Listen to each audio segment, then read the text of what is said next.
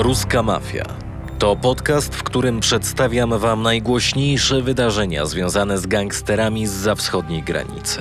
Po Wielkiej Wojnie Ojczyźnianej, czyli II wojnie światowej, jak ją nazywają Rosjanie, Związek Radziecki został zalany bandytami wszelkiej maści. Jestem Maciek Jędruch i w tym odcinku przedstawię Wam jedne z najbardziej brutalnych gangów w powojennym kraju rad. Zapraszam. Ruska mafia w RMFFM. Najbrutalniejsze gangi w powojennym Związku Radzieckim. Sekwencja pierwsza.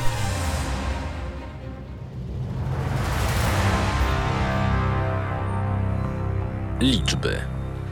Jak przeczytałem w książce Kryminologia pod redakcją dwóch rosyjskich specjalistów w okresie istnienia stalinowskiego totalitarnego państwa, w zasadzie nie funkcjonowały żadne organizacje przestępcze, a tym bardziej mające wpływ na politykę i państwo.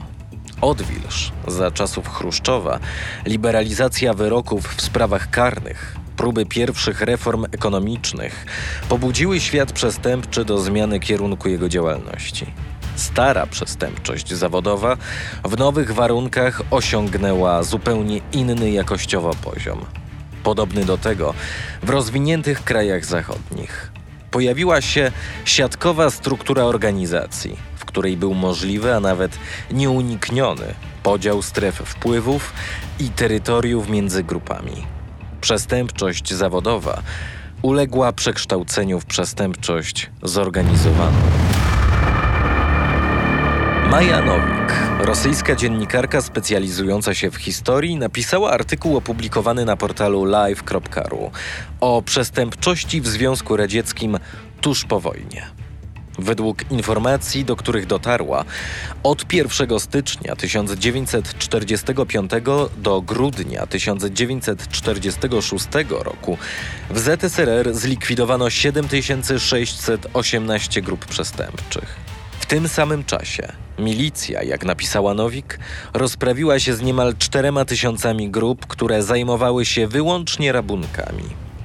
Od 1947 roku Ministerstwo Bezpieczeństwa Państwowego ZSRR zaczęło zajmować się nacjonalistami, a Ministerstwo Spraw Wewnętrznych bandytyzmem. W ciągu dwóch lat zlikwidowano 1329 przestępców. Aresztowano 57 503 osoby, a ponad 10 tysięcy rodzin gangsterskich wywieziono na Syberię. Służby bezpieczeństwa ZSRR przejęły broń, która mogła być na wyposażeniu wojska. 8895 karabinów maszynowych, 28 682 automaty, 168 730 karabinów, 59 129 rewolwerów i pistoletów, 151 688 granatów i 6459 kg materiałów wybuchowych. Sekwencja druga. Powojenna gangsterka. W Moskwie i regionie moskiewskim działał gang, którego przywódcę nazywano Ameryką. Jak przeczytałem, najgłośniejsze przestępstwo tej bandy miało miejsce 15 kwietnia 1949 roku w placówce bankowej. Według doniesień, które przeczytałem, gdy tylko kasjerzy weszli do holu budynku, podszedł do nich młody mężczyzna, chwycił pistolet, strzelił dwukrotnie w sufit, złapał torbę z pieniędzmi i zniknął. Był to, jak przeczytałem, 25-letni recydywista Paweł Andriejew, który skrzyknął 14-osobową grupę i otrzymał pseudonim Ameryka. Paweł Andriejew urodził się w 1924 roku i spędził dzieciństwo na przedmieściach Moskwy. Rodzice Pawła byli robotnikami. On od życia oczekiwał czegoś więcej. Jak przeczytałem w artykule opublikowanym na portalu lienta.ru pod tytułem Żegnaj Ameryko, radziecki wor w zakonie stworzył gang naśladowców gangsterów z USA, Paweł zaczął doskonalić umiejętności kieszonkowca już jako nastolatek. a następnie przeszedł do napadów i swój pierwszy wyrok dostał w wieku 16 lat. Spędził 5 lat w obozach karnych i wyszedł stamtąd jako kryminalny autorytet. Wyszedł w roku 1945 dzięki amnestii na cześć zwycięstwa w Wielkiej Wojnie Ojczyźnianej. Po napadzie, o którym wspomniałem wcześniej, wpadł. Banda Ameryki nie ukrywała się za bardzo, jak przeczytałem w materiale Majnowik. Według jednego źródła Andrzejew zmarł w areszcie. Według innych informacji został zwolniony po śmierci Stalina w 1953 roku i zgodził się zostać informatorem Ministerstwa Bezpieczeństwa Państwowego ZSRR, a następnie KGB. Za jeden z najbardziej aktywnych gangów w stolicy Związku Radzieckiego był uważany gang Mitina. W latach 1950-1953 jego ofiarami było dwóch milicjantów, detektyw Koćkin i porucznik Briukow oraz czterech świadków. Przywódcą był 23-letni kryminalista Iwan Mitin, pochodzący z Krasnogorska. Banda składała się z 11 osób w wieku od 16 do 24 lat i 37-letniego komunisty Bolotowa. Jeden z bandytów, Slawa Lukin, był członkiem komsomołu, działaczem i sportowcem. To nie wszystko. Jak przeczytałem, Lukin i sam Mitin byli docenieni orderem Czerwonego Sztandaru Pracy.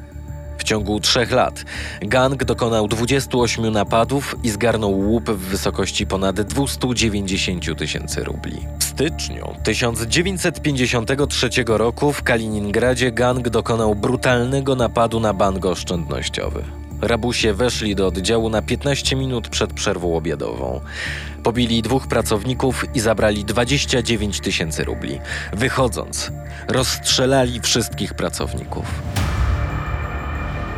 Nie tylko w Moskwie działały bandy rabusiów. Powojenny Kazań nie mógł się otrząsnąć od zbrodni gangu Kormakowa. W reportażu o powojennych zbrodniach w Związku Radzieckim opublikowanym na portalu live.ru przeczytałem, że bandyci nie pozostawiali przy życiu świadków, milicjantów i żołnierzy. Gang zaczął działać w 1945 roku. Najgłośniejszą sprawą, o której czytałem, był napad na dom kolekcjonera Dmitrija Popandopulo. Do posiadłości przestępcy przedostali się przez podkop. Zabili całą rodzinę. 70-letnia teściowa kolekcjonera została uderzona w głowę. Właściciel domu i jego ciężarna żona zostali zasztyletowani. Następnie zamordowano troje dzieci, z których najmłodsze miało 3 lata, a najstarsze 8. Ich głowy były zmiażdżone o krawędź pieca. A w domu bandyci nie znaleźli pieniędzy.